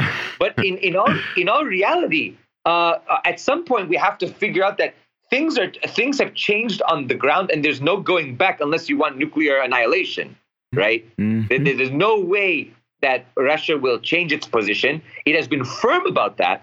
Uh, and of course, the farther we push this, the more we're going to escalate tensions. So I think that Jens Stoltenberg and, and, and a lot of NATO, while some NATO countries agree with uh, you know negotiations and they want to see some settlement, because I think their populations are turning against this. I mean, we'll get to it, I'm sure, at some point, but you, you in the midst of all of these global crises, uh, we are having billions of dollars sent to Ukraine to fight a proxy war against Russia when Russia just wanted Ukraine to be neutral and to not be a part of NATO and to stop, you know, being, uh, you know, attacking, uh, you know, uh, ethnic Russian speakers in the Donbass. I mean, uh, we are, we're, it's it's it's turning it's turning into tragic comedy now. Uh, how this is how this is unfolding. So I think uh, I think we're we're going to see, in fact, more escalation now. I don't think there's a there's a real support for negotiations yet from the U.S. Whether that comes, I think it's going to come when the population revolts against this, and we're seeing it slowly, you know, percolate. Yes. That people are saying, "Why are we sending all this money to Ukraine? We have our own issues, you know, in our in our country. We have our own global crises that we're dealing with, whether domestically or or internationally. We have other priorities. People are dying from from just you know no housing, no no food, no shelter, no health care." So I think that that's going to eventually change the equation. But those in power have oftentimes uh, overlooked that. So we'll see what ends up happening. I, I try to remain uh, uh, cautiously optimistic, but even that might be a stretch and a little too utopian now. Hurricane relief here in the United States is going to be an increasingly important issue uh, in the coming weeks, especially. Um, we've got hurricane season uh, upon us. We're in the midst of it right now. And there are reports today that Hurricane Hilary, which is a big storm, is going to hit Southern California on Monday morning. But now we're hearing word that Congress is going to attach funding to replenish the FEMA emergency account to a bill to continue funding military aid to Ukraine. It's a common thing in Washington uh, to attach must pass programs to controversial bills. I'm reminded of an episode of The Simpsons where uh, where a uh, meteor is going to hit Springfield, and Congress is voting on uh, a device to divert the um, the meteor, but then a Congress adds an amendment to fund what he calls the perverted arts. So it becomes the Save Springfield, Fund the Perverted Arts bill, and it's uh, it's voted down. So here we are with people's lives at stake. And it's not just about hurricanes. Look what's happening in Hawaii, for example. We're going to talk about that a little bit later. Um, this is turning out to be the worst wildfire, the deadliest wildfire in American history. So, do you think that we'll get a clean FEMA funding bill? The word clean, of course, in Washington means with no attachments or amendments. Um, or are Democrats going to throw some red meat in front of the Republicans and just watch them fight over it? You know, uh, to be honest, uh, I, I, feel like uh, it's going to be another long, drawn out battle, especially, uh, you know, why tie military funding to Ukraine in a FEMA bill? I just don't yeah, get it. Exactly. I, I don't get it. Unless, unless they want this political, you know, this political climate to, in this, uh, you know, 24 hour news cycle to take it and start the debates and the talking heads going at it with each other. And then people are on the ground frustrated saying, well, why? Why is my funding somehow tied to something going on across the world? I probably most Americans have never met a Ukrainian or a Russian. They don't know what's going on. you know, it's it's just it, it's it's it's completely blind to what's going on. You know, in our country, it's very very very nearsighted, um, and I think ultimately uh, it's going to end up becoming hyper partisan, which it already is. Everybody's going to start, and and they're going to say it for various reasons. It's not like the Republicans necessarily care about the working class, but they'll take the helm when it helps them here by saying, oh, why are we giving money to Ukraine? Help the American worker, the American farmer, and, and those in need who are suffering. They don't really care necessarily about them to the extent that they're saying. But of course, they're going to say it to challenge the Biden administration. So I think I don't think we're going to get a clean FEMA bill. I think that if they're going to if they're going to unite these two issues, it's going to be once again a, a battle between uh, different positions. And of course, people's lives are in the balance. People have lost homes. They've lost, uh, you know, lively. They've lost livelihoods. They've lost history. I mean, if we think about what was lost in Lahaina, in Maui, we lost indigenous history. We lost the history of the Kingdom of Hawaii. And of course, you know, just the fact that people aren't commenting about it, especially the, the president and the administration is very disturbing. I've been very disturbed these past few months, especially with what's happened here in Vermont. Uh, the response has been slow. It hasn't necessarily yeah. been as robust as we would have wanted. And I just feel like we're failing. You know, when the war comes with Russia or China, everybody has the checkbook ready to sign and, and, and send the tanks, send anything you want, give them anything. But now, of course, you know, we have people in this country suffering from, from you know, human related climate change, from all of the effects of it, uh, from monocropping, from all this stuff. And of course, what do we have? We have everybody saying, oh, well, you know, we'll get to it, we'll see, no comment. No yeah. comment. How come you have a comment for what's going on in Ukraine? Mm-hmm. So I think I think I think it's going to become hyperpartisan. It's going to be a debate once again, and who's in the end is going to lose? American working class people, people who are poor, people who are marginalized, and that's the real tragedy of this whole thing. I want to talk about something uh, before we let you go. That's uh, I was going to say this is unrelated to anything else we've been talking about, a, sort of different, very big topic. But when you talk about, you know, the squeeze on uh, working class people, regular people, I mean, this I feel like is what is is leading to this. And so it's this story in the World Politics Review uh, that talks about how the headline is Germany might soon have a far left version of the AFD. Uh, which is their far right party. That caught my eye because it didn't make any sense to me. And the story says, you know, yada, yada, yada, left party in Germany had sort of held steady for a decade or so. It got 9% in the 2017 election with the sort of generally anti capitalist, anti militarist, pro uh, gay and immigration stance. But the party performed really poorly in the 2021 elections. I think it got less than 5%. And there has been for some time infighting over immigration and now there is infighting over Ukraine. And there are rumors that have existed for some time now that a, a senior leader of the party, Sahra Wagenknecht, might start her own anti capitalist, anti immigrant outfit. And so this woman is part of a cohort of people who are saying, uh, as the article put it, puts it, that protecting the rights of diaspora minorities and the LGBTQ communities are smokescreens used by ruling elites to exploit a native German working class. And on one hand, sure, I mean, ruling elites will use anything as a smokescreen to exploit the working class. Like, I, I don't doubt that this is something that is actually done, but it doesn't mean it's not important to protect the rights of immigrants and, uh, and you know, sexual or other minorities. And so, to me, what is interesting about this story and about this possibility is that it demonstrates how completely every sort of mainstream political party has failed to deal with migration, right? Because I do think you you can't have an unlimited number of often very poor, often desperate people from very different cultures pour into a country that is not at the same time uh, enormously expanding its social resources uh, and not expect conflict. And so, you know, I, I think it's interesting to talk about. There's plenty in the United States, right? We have plenty of room but we don't have plenty of homes, plenty of doctors, plenty of public school seats, plenty of, uh, you know, food stamps is something that shouldn't exist anyway. The reason we don't have plenty of those things is not because there are too many takers, right? This is a, an artificial shortage, but people are living inside that artificial shortage.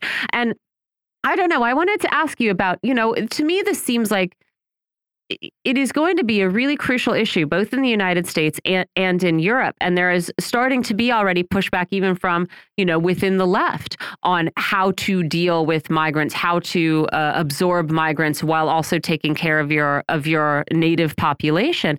And it doesn't seem to me that anybody is really saying what needs to be said. That in order to quote unquote deal with this, uh, we need a sort of wholesale reorganization of our economies and of our foreign policy, which to me seems like clearly the answer, but also a very big project. And so I wanted to talk about, you know, uh, what it means that we're seeing these splits, you know, within left parties over immigration, and why nobody's offering what what could be a workable solution. Well, you know, uh, you know, this has been something that has we've been talking about actually for for a few years amongst uh, my circles and um, one thing that was uh, very interesting was, uh, you know, in 2019, I was at a summer conference at, at Oxford, and we had a professor speaking about the rising, uh, the rising tides of eco-fascism. And so I found it very intriguing. And basically, the idea was as climate change, like we don't, we shouldn't immediately think that the right wing uh, only uh, doesn't believe in climate change. They do, but they're going to exploit it in an anti-immigrant way. They're going to say, yeah. well, if if parts of the global south are becoming uninhabitable and there's there's going to be fighting over water and food and resources, where are they going to go? A lot of them are going to go to the global north. And what does that mean? It means that we're going to have hundreds of millions of people at our doorstep. So what do we propose? We propose a wall, mm-hmm. barricades, blockade, anything to basically block people from coming in because they're going to take our pristine environment, which of course we don't give a about anyway, sorry. But that's just the fact that we have not cared about it. If we cared about it, we would have been good stewards of the land. But of course, we don't have the population to to decimate uh, uh, in their in their idea uh, the land as we will have with all these people coming in. So what's being exploited here is actually a combination of things. Number one, you have a society that is, of course, as you're saying, socioeconomically structured to take care of an elite and a, an upper echelon of people and to immiserate a, working class population further and further over time as a lot of the welfare state begins to, you know, get cut away through privatization and other uh, avenues. And then on top of that, you have a climate situation. You have imperialist wars going on in the global south. So people are leaving for a variety of reasons. They're leaving because their homes are being destroyed, they're being killed or threatened, or they're leaving because their areas have become uninhabitable. So they're moving to different areas where they can hopefully live a dignified life. And then people are, are fear mongering and saying, oh, these people are coming. We're going to have no water. We're going to have no food. Yep. And so these things are being exploited, and we have to recognize that they're being exploited without the proper critique of the socioeconomic system. Even though, for example, this far left version of the AfD would say we're anti capitalist. Well, if you're anti capitalist, what kind of society do you want? If yeah. you're going to restructure it in a way where you take from the rich and the and the few to give to the many, you could have more immigrants and still be fine. Mm-hmm. In fact, you could thrive with that. But they're not going to say that necessarily in that way because of course, the population is being pushed into a direction, into a narrative that is, oh my gosh, the borders and everything. It's a, it's a phenomenon throughout the global north that's happening. And that's you've seen that with the rise of the far right and different neo-Nazi and fascist type parties. And so we have to guard against that very carefully and expose a lot of the bankrupt ideas that they are trying to push mm-hmm. because of course those don't make any sense with what kind of society we want to build mm-hmm. and what kind of society would be just and would take care of the many and not the few. Mm-hmm. Yeah, of course, the society that you say you are building should have a lot more room, right? And a lot more ability to absorb people you and also think. not be driving uh, the kind of migration that wouldn't be occurring where there's not such disruption outside our borders. Yeah. So, Chris Helali, thank exactly. you so much. That was uh, investigative journalist Chris Helali. Really appreciate your time. That Thank you fun. so much. I appreciate it. Thank you, Chris. We're going to go straight to Hawaii. Uh, where we're going to talk a little bit about conditions on Maui and also talk a little bit about the way um, climate change is being invoked yeah. in these conversations about what exactly happened on Maui and who exactly is to blame for the chaos uh, and the the death there. We're joined by Anne Wright. She's a 29 year U.S. Army and Army Reserves veteran. She retired as a colonel, uh, and she's a former U.S. diplomat who resigned in March 2003 in opposition to the war on Iraq. She's also the author, co author of the book Dissent Voices of Conscience. Ann, thanks for joining us. It's a pleasure. Thank you. Talk to us about what you know of conditions on Maui and what federal aid has arrived there. Because for the last week, it has seemed like a lot of the assistance was coming from community led initiatives. Uh, and I wonder is it really true that Maui residents have been relying on crowdfunding and private kind of supply line efforts rather than government aid? Well, there's both of it. And the, the initial part has certainly been citizen led activism, uh, trying to get materials uh, from one island to another. I live on Oahu, and it's uh, uh, by plane, it's only like a 20 minute flight over to Maui. By barge, which moves most of the materials to the outer islands, it's a eight to 10 hour barge ride. So it was very important that the local activists on Maui take the lead in moving lots and lots of materials, of food and clothing and things like that over to the west side of the island. and they did it and are st- still continuing to do it. I will say that the the uh, local county government and the state government had materials that were there, and they were moving some of it too. But uh, the the ones that have rightfully gotten a lot of good publicity on citizen activism are the ones that put the materials in their boats and and went around to the west side of the island and dropped it off to communities that were pretty well cut off from one of the two ways at that point that you could get back to the to the west side of the island.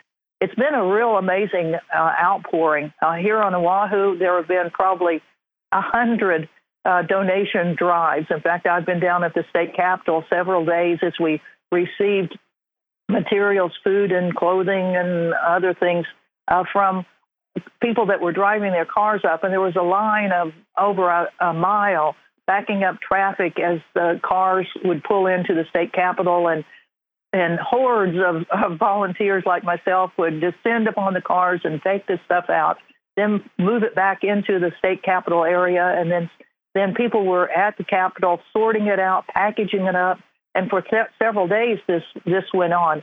Uh, there are so there's so much stuff now going into Maui that the people of Maui, the the officials, including uh, Fed, well, primarily the county and the state, who have the facilities uh, to receive all this stuff, have said we need to hold things on the other islands because we don't have the warehouse space to to move it all. So it's really been quite an outpouring, as one would expect from uh, from the great people that live on on the Hawaiian Islands uh, for this horrific, terrible, terrible tragedy that has occurred in Lahaina and also up on the upper slopes of uh, Haleakala in the uh, area called Kula, where 19 homes burned in a separate fire up there. I mean, it has been really wonderful and heartwarming, as you described, to see what people are able to do when they pull together and, and organize and, uh, you know, how, how quickly and comprehensively they've been able to do it. I guess I wonder should they have had to do this though? I mean, the, the US military, we we talked yesterday. I think there are 14 bases. There's 40,000 military personnel on the islands. The US military does disaster management training in Hawaii. It's a regular program. And are people correct to wonder why so much of this has been done in a sort of initially like ad hoc private civilian way. Is this just the best that we can expect, or should we have had more military uh, assets involved with those kind of supply lines? Should we have had more federal involvement? Are, are people right to be a little disappointed in not what they have gotten from their neighbors, but what they have gotten uh, from from either the state or the federal government? Well, I, I think. Uh you know, a lot of people in, in Hawaii are very uh, negative about the huge military presence that's here. And while, yes, the military does have a lot of uh, aircraft, helicopters, and things like that, uh, a lot of people say, you know, we don't want all of that stuff. And to totally rely on the military uh, for disaster relief is not what a lot of people want. I mean, we want some help, but I mean, the citizens know how to get this thing done. And they did it and are still doing it. And of course, we do have military flights that have taken stuff over. We do have some military helicopters that are now helping uh, put out the remaining fires now that the winds have kind of died down and helicopters could get in the air. That was one of the big problems with the with the initial fire in Lahaina. The winds were so strong that the helicopters couldn't get up and and drop loads of water onto the fires. Uh, yeah, the you know you can always uh, say that the federal government should be doing more, and actually they did. They they had people in within 24 hours. They flew from the East Coast, from all over the continental United States, bringing in all sorts of equipment. And now they they have brought in. I think there's over over 400 FEMA people that are there. There are 20 cadaver dogs. Uh, the the the intensity of that fire and it's something, though, that as the after action report of all of this, that how you manage uh, the the areas that have continually had fires. I mean, that area of Lahaina uh, in 2018, there were 20 houses that burned from another fire. So, trying to eliminate all of this invasive grass stuff, getting uh, things like kalo, uh, uh, crops that use water and that are kind of a fire break uh, to these invest- invasive uh, grasses is very important. Like right now on the island of Oahu, last night, at, well, last, yesterday afternoon at 4 o'clock, a huge uh, brush fire uh, started up on the center part of the island that they're still trying to put out. It hasn't it hasn't gotten to houses, but when you see on TV the flames, it looks like Lahaina again that's coming down. So, you know, trying to move uh, the Hawaiian Islands agricultural base from uh, the plantation um, era of pineapple and sugarcane that decimated the forests and left large swaths of land that are now covered with invasive grass species, trying to move that into something else that is not an instant tinderbox for dry conditions and extreme winds, which we do get.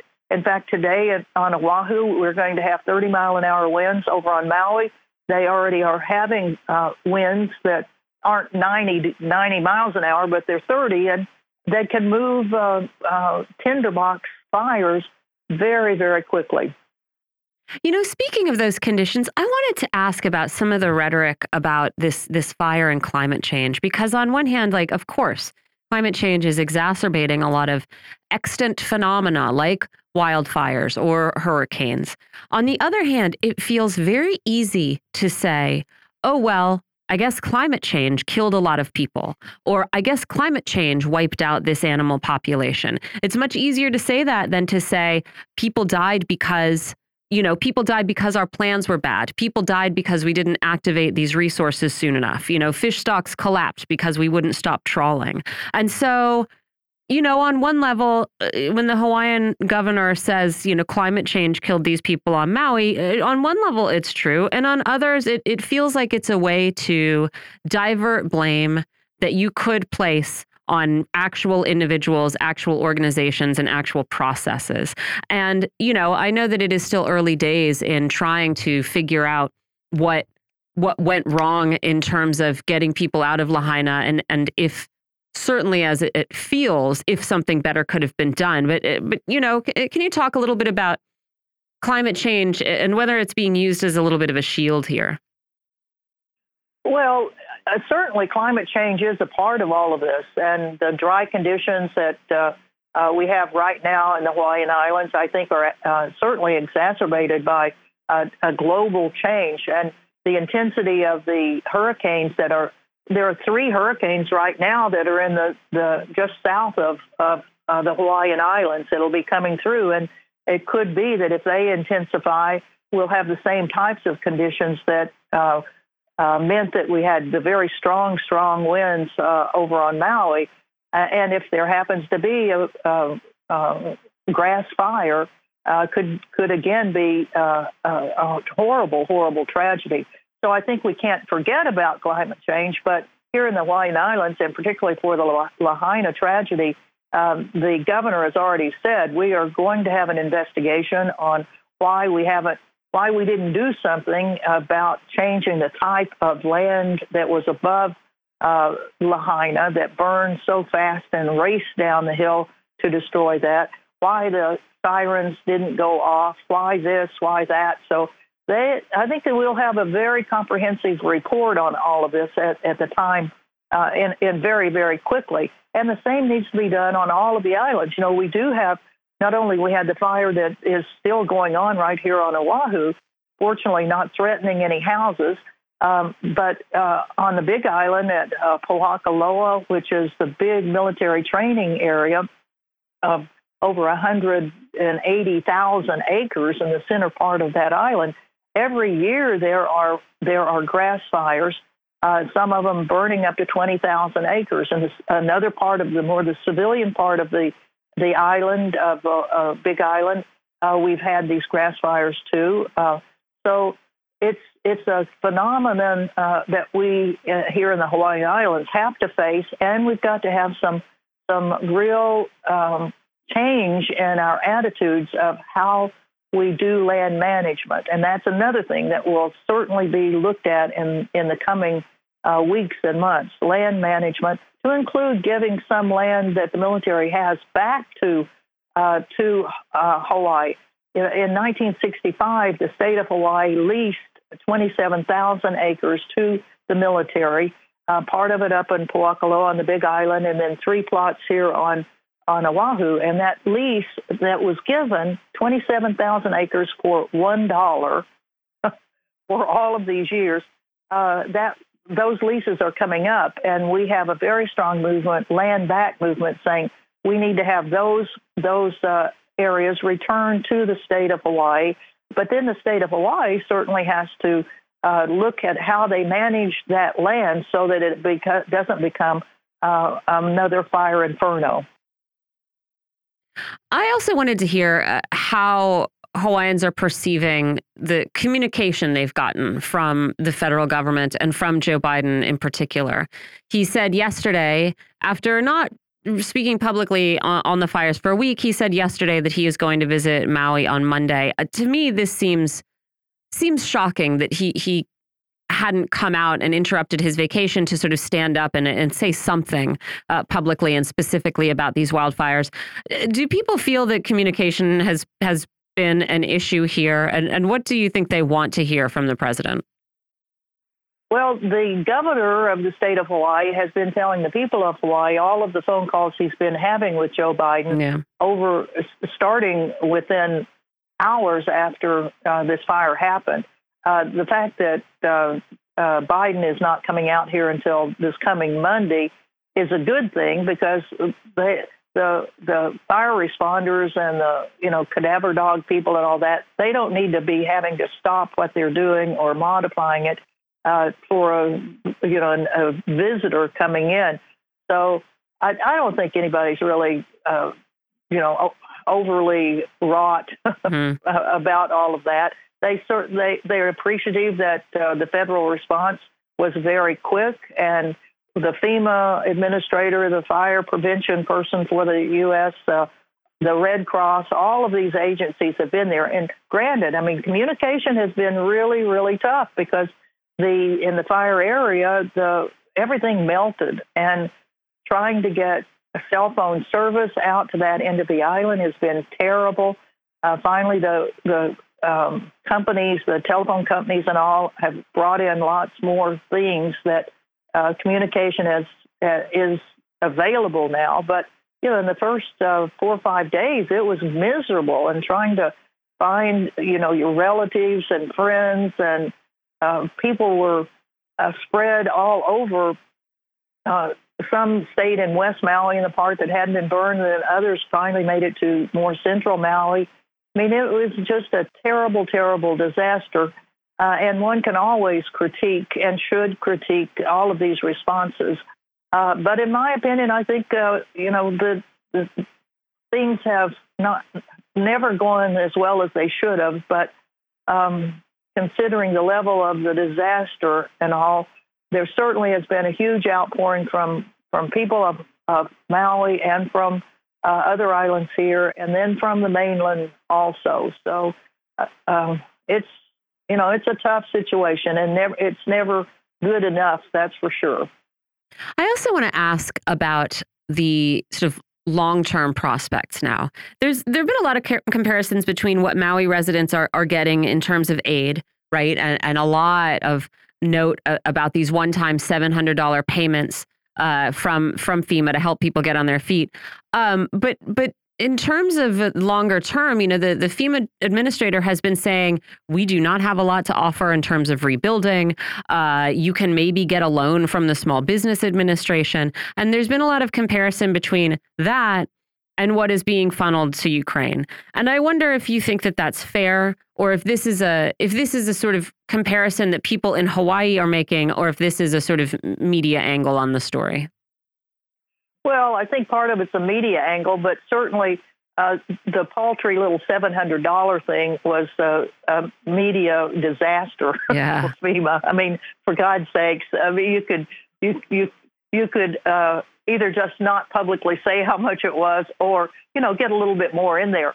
However, you know, FEMA is facing a challenge uh, from the U.S. Congress that has not uh, uh, funded in the manner that FEMA had requested. Mhm. Uh, so our congressional delegation uh, has a big job ahead of them uh, when the when the Congress Congress reconvenes uh, to get their uh, fellow uh, Congress people to vote more money to FEMA so that that can go in uh, to help relief here, and also. Uh, you know, the Small Business Administration has lots of people here, and they are uh, busily, uh, you know, taking everybody's information. And um, the stories that we hear here is that uh, loans should be coming out pretty pretty quickly from the Small Business Administration, but they can't really be used until the uh, all of the destruction of Lahaina, the very toxic destruction. I mean, it's like uh, New York City in 9 11 with all of the incinerated uh, metals and things like that and the toxicity of all of that. I think that's what the health hazards right now that people are facing uh, is something that is really, really important to to recognize that even though people are now being allowed, the ones that have homes, certain ones haven't been able to go down into that that area. Most of them are still kept out of it because of the toxicity of of uh, what remains there. So it's going to be the cleanup and where all of that toxic stuff goes, where it gets buried, all of that stuff, uh, uh, and then how one rebuilds and what happens there. The whole issue of disaster capitalism is something that's being talked about here, where a lot of people are receiving phone calls from from uh, uh, vultures uh, on the mainland and other parts of the world saying, "Oh, uh, so sorry you lost your house, but would you want to sell your your property because uh, you know we've uh, we know you're short on cash and all of this sort of stuff." So the the uh, uh, state government has said um, no more. I mean, like a moratorium on selling, uh, so to make sure that no one gets taken advantage of during this period. Yeah, I mean, it's one thing to come together as a community to, you know, ensure that people have food and water and shelter and medicines and pet food, and the other, it's it's another thing to try to come together and ensure that, um, you know, your your neighbors can pay a mortgage or rebuild a house, right? That's something that you need a little bit. Maybe you need a little bit more heft to do. We'll see how this um, moratorium on land sales uh, plays out. And right, Yeah, thank you so. Oh, go ahead. Mhm. Well, and I was just saying that the banks here uh, have uh, said that nobody has to pay on their mortgages. I think it's for the next three months, and the state and county have uh, uh, uh, said nobody has to pay their property taxes, and if you've already paid them for this year, they're going to give you the money back because you, your property is unusable. Mhm. So you know there are a lot of a lot of agencies that are trying to help out in this in in creative and and humane ways. So uh, we appreciate the interest for everyone. Um, donations are certainly uh, uh, received here. Be sure you check to make sure that they're going to legitimate uh, uh, groups. Um, but we thank everybody for their thoughts and prayers and and Maui strong. Yeah. Thanks, Ann Wright. We really appreciate that. Ann Wright is the 29 year U.S. Army and Army Reserves veteran. She resigned as a diplomat in 2003 in opposition to the war in Iraq. She's an author. We really appreciate your time. Thank you very much. Probably should have added again that she was speaking to us from, From uh, Oahu, which Yeah. is the reason we talked to her. Uh, yes, uh, we talked to her at other times about other things, not Hawaii. Right. John, I have a couple of updates for you. Good. I've got a couple for you. Oh, do you want to start? Well, the big news, of course, is that Sam Asghari has filed for divorce from Oh. Britney Spears. I saw that she had stepped out without her wedding ring. Yes, Mm. 14 month long marriage, But they had been the together as somebody for else I know. they had been together for some time for Oh, yeah, years, time. years before Yeah. they were allowed Mhm. to get married. Yep. And her conservatorship ended. Yeah. Yeah. And there was one other thing I, I wanted to say, and now I can't remember what I know what it was. Uh, there was actually a kind of a big deal in Pakistan, eastern Pakistan today. People don't realize, I think, that um, that there are hundreds of thousands of Pakistani Christians. There are Christian enclaves, mostly in Mhm. Punjab, in eastern, um, east central uh, Pakistan.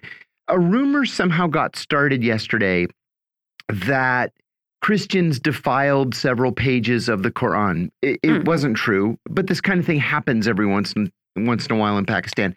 And mobs uh, burned five churches to the ground. The Pakistani government was very, very quick to respond to this. Usually they're not, but they've arrested more than 100 people so far and charged them with um, engaging in a mob attack. Ah. Yeah, it's kind of refreshing. Yeah. That's what I wanted to say. Um, I wanted to update you on the topic of conservatorships. Um, that the family, Tuohy, whatever, I I- still haven't learned how to pronounce them. Don't remember. Don't care. Right. But that was the family who had a conservatorship over Michael Oher, the person who the, The movie Blind The Blind Side was based on. Mm-hmm. You know, he came out earlier this week and said, "I thought."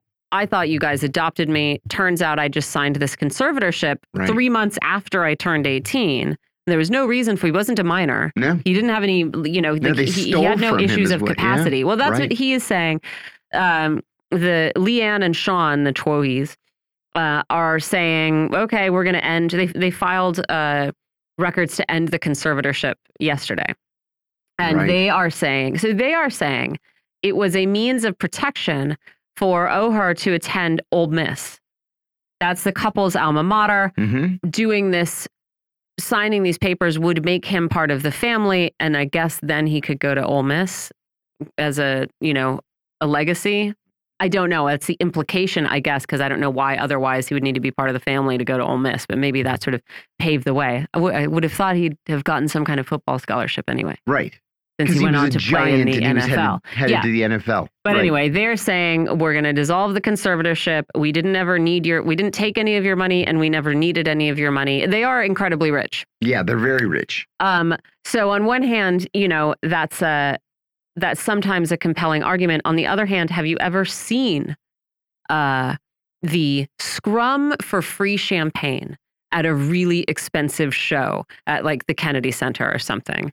Oh, the way really Oh, rich people will try to. I mean, all you have to see is like Amazon, Amazon stiffing drivers on their tips for like one to ten dollars a pop to see that having a bunch of money already is never a guarantee that you're not going to try and get a little bit more more. just the way that you got the stuff you got in the first place, which is also usually by scamming people and not caring Yes. about it. So again, I don't know what happened here. Uh, it's a he said she said, but that's a that's the update on this story. And then also, we have a couple things. Um, there's a uh, there's a new strain of E. coli in town, John. of E. coli. Yeah, there's a new strain of E. coli. I'll tell you what, the sickest I've ever been in my life was from E. coli. There you go. Oh, I spent four days in a hospital in Amman, Jordan, mm. thanks to E. coli. It's nasty. Did I ever tell you about getting food poisoning on the plane from Oman to Bangkok? Oh, I think I- you and I talked about it. I got uh, typhoid fever on the plane from Bangkok to Tokyo. I remember Oh, I was standing in oh that my security line and I was like, if I get sick now, they're not going to let me get on this flight. And I need to get on this So you have to pretend to be healthy. I started throwing up as soon as the wheels were up.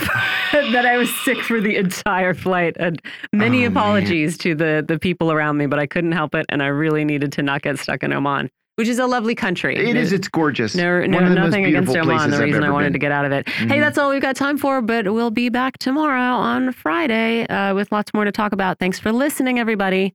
Bye.